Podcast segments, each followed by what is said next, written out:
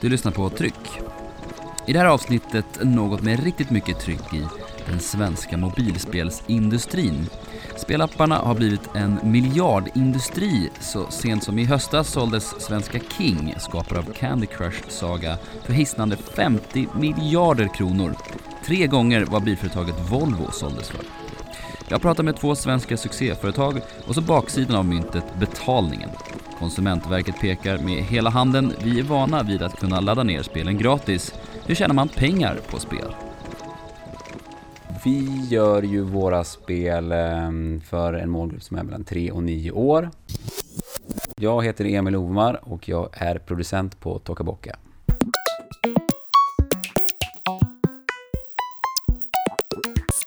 Det är väldigt lätt att bygga väldigt kraftfulla appar som ger användaren väldigt stor kontroll. Men om du måste gå igenom 15 steg för att ens förstå vad det går ut på, då har du inte med dig de barnen. Så den balansen mellan liksom vilken output du får, eller vad du kan åstadkomma med den här, då, vi benämner våra appar som leksaker, hur man kan leka med den. En leksak måste ju, och precis som en fysisk leksak vara, du skulle inte egentligen inte ha någon instruktion. Utan du bara känner på materialet och blir sugen på att använda och interagera med den. En boll behöver ingen instruktion, utan lek hur du vill med en boll. Och det är det vi försöker sträva efter. Så att balansen med hur liksom, komplicerade saker du kan göra och vilken eh, avancerat system eller interaktion som är möjlig måste balanseras med tydligheten och enkelheten. Att folk, barn i vilken ålder som helst, blir sugna på att plocka upp den, känna på den och att bara känna på den ger en idéer av ah, så här kan jag leka med den här. Och det är väl, på det sättet är väl inte vi som generellt spel, utan vi har en lite annan typ av produkt jämfört med många andra svenska spelutvecklare.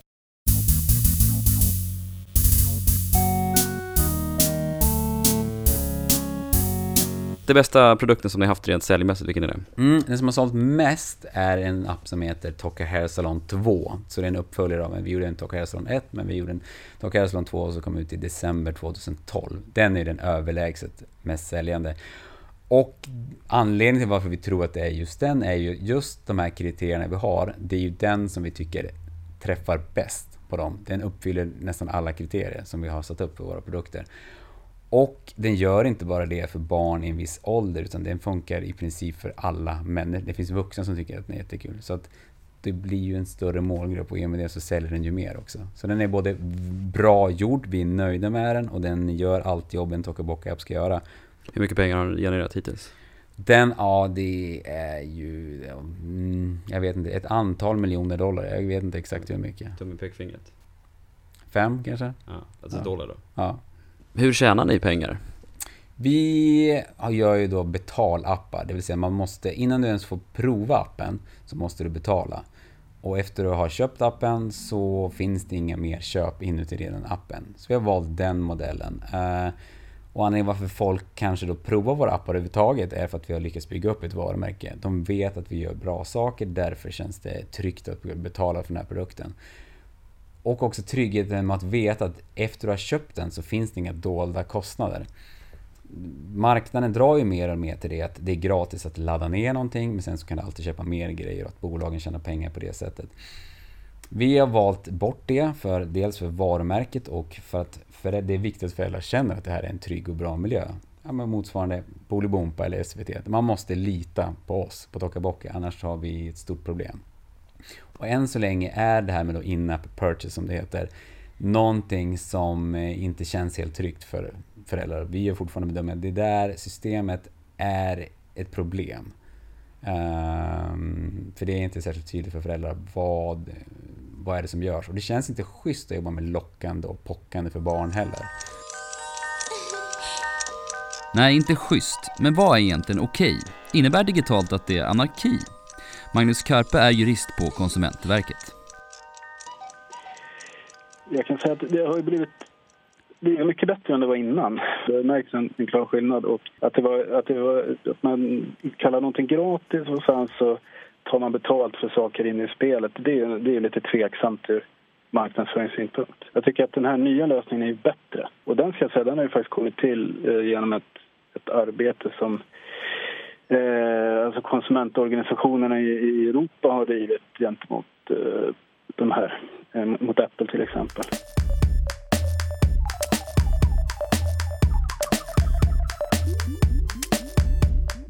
Man får ju marknadsföra sig eh, allmänt sett och, och, även till barn eh, med vissa begränsningar. Då. Och så länge det tydligt framgår eh, för målgruppen, framgår att det är marknadsföring, så är det okej. Okay. Eh, och mot barn får det inte förekomma direkta köpuppmaningar. Okay. Eh, så det får inte stå köp nu eh, eller säg till din mamma och pappa att de ska köpa det här åt dig. Mm. Sånt får inte förekomma. Det får inte heller vara omskrivning typ för att gå vidare måste du köpa? Det blir en bedömningsfråga. Då, för det, det är klart att jag förstår också att det blir ett köptryck mm. i det läget. Och att om man, om man fastnar i ett spel och gärna vill komma vidare, så att säga. eller man, man har nått en, någon viss level och kommer inte vidare, det är klart att det uppstår ett köptryck så att säga. Men mm. det, som, det som sägs i de regler vi har att förhålla oss till det är ett, ett direktiv i botten och som har implementerats i medlemsstaterna och det är att direkta köpuppmaningar får inte förekomma. Och då, de exempel man tar upp då det är köp nu och så alltså, det framgår nästan av uttrycket att det är en direkt köpuppmaning, köp det här. Umeåföretaget Turborilla har dragit in miljonbelopp på sina spel. Det är genom In-App Purchase. Spelet är gratis att ladda ner, men du köper saker i spelet. Tobias Andersson är grundare och VD. Det första Madskips Motocross, det var, det var jag själv som satt hemma och experimenterade med, med att försöka simulera en, en fysisk modell av en, av en motorcykel. Och så när jag var klar med det så eller klar, men när jag hade kommit en bit så körde jag runt lite med den. Och det, det kändes så bra så att, att köra den där, det var en skön känsla. Så att, att, jag tänkte att det, det där måste jag göra ett spel av. Eh, och ja, det var det helt enkelt. Det var ingen, ingen, ingen grandiosare idé än så utan jag ville bara göra ett spel av det där som kändes skönt. Och det var det som startade företaget. Eh, så jag satt hemma några månader, och pilla på det där och sen eh, när jag märkte att det började bli att det, eller att det fortfarande var kul liksom då. Eh, då sa jag upp mig från mitt jobb och flyttade in i en företagsinkubator och satte igång produktion på allvar.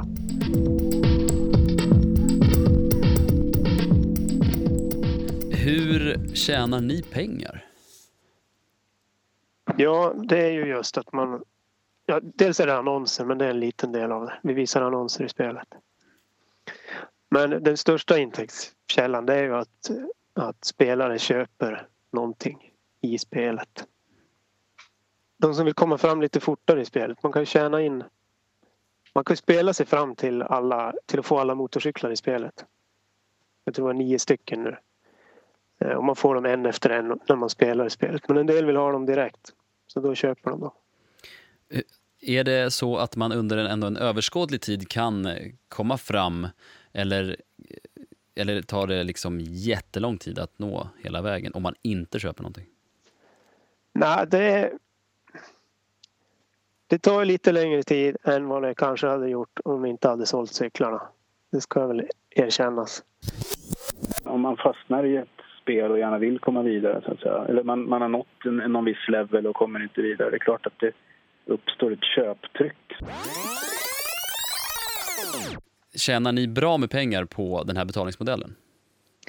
Ja, det gör vi.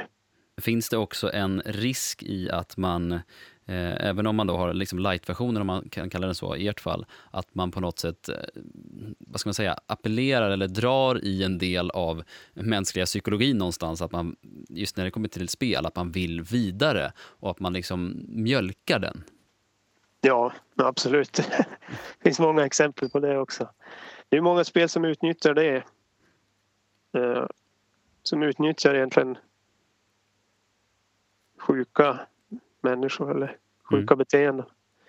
Eh, att, få, att få de få människorna då att betala så mycket som möjligt. Tack för att du lyssnade på Tryck av och med mig Fredrik Björkman Avtryck finns på iTunes, se till att prenumerera där för att få det senaste avsnittet. Och på Soundcloud hittar du Tryck i min profil Fredrik Ivan.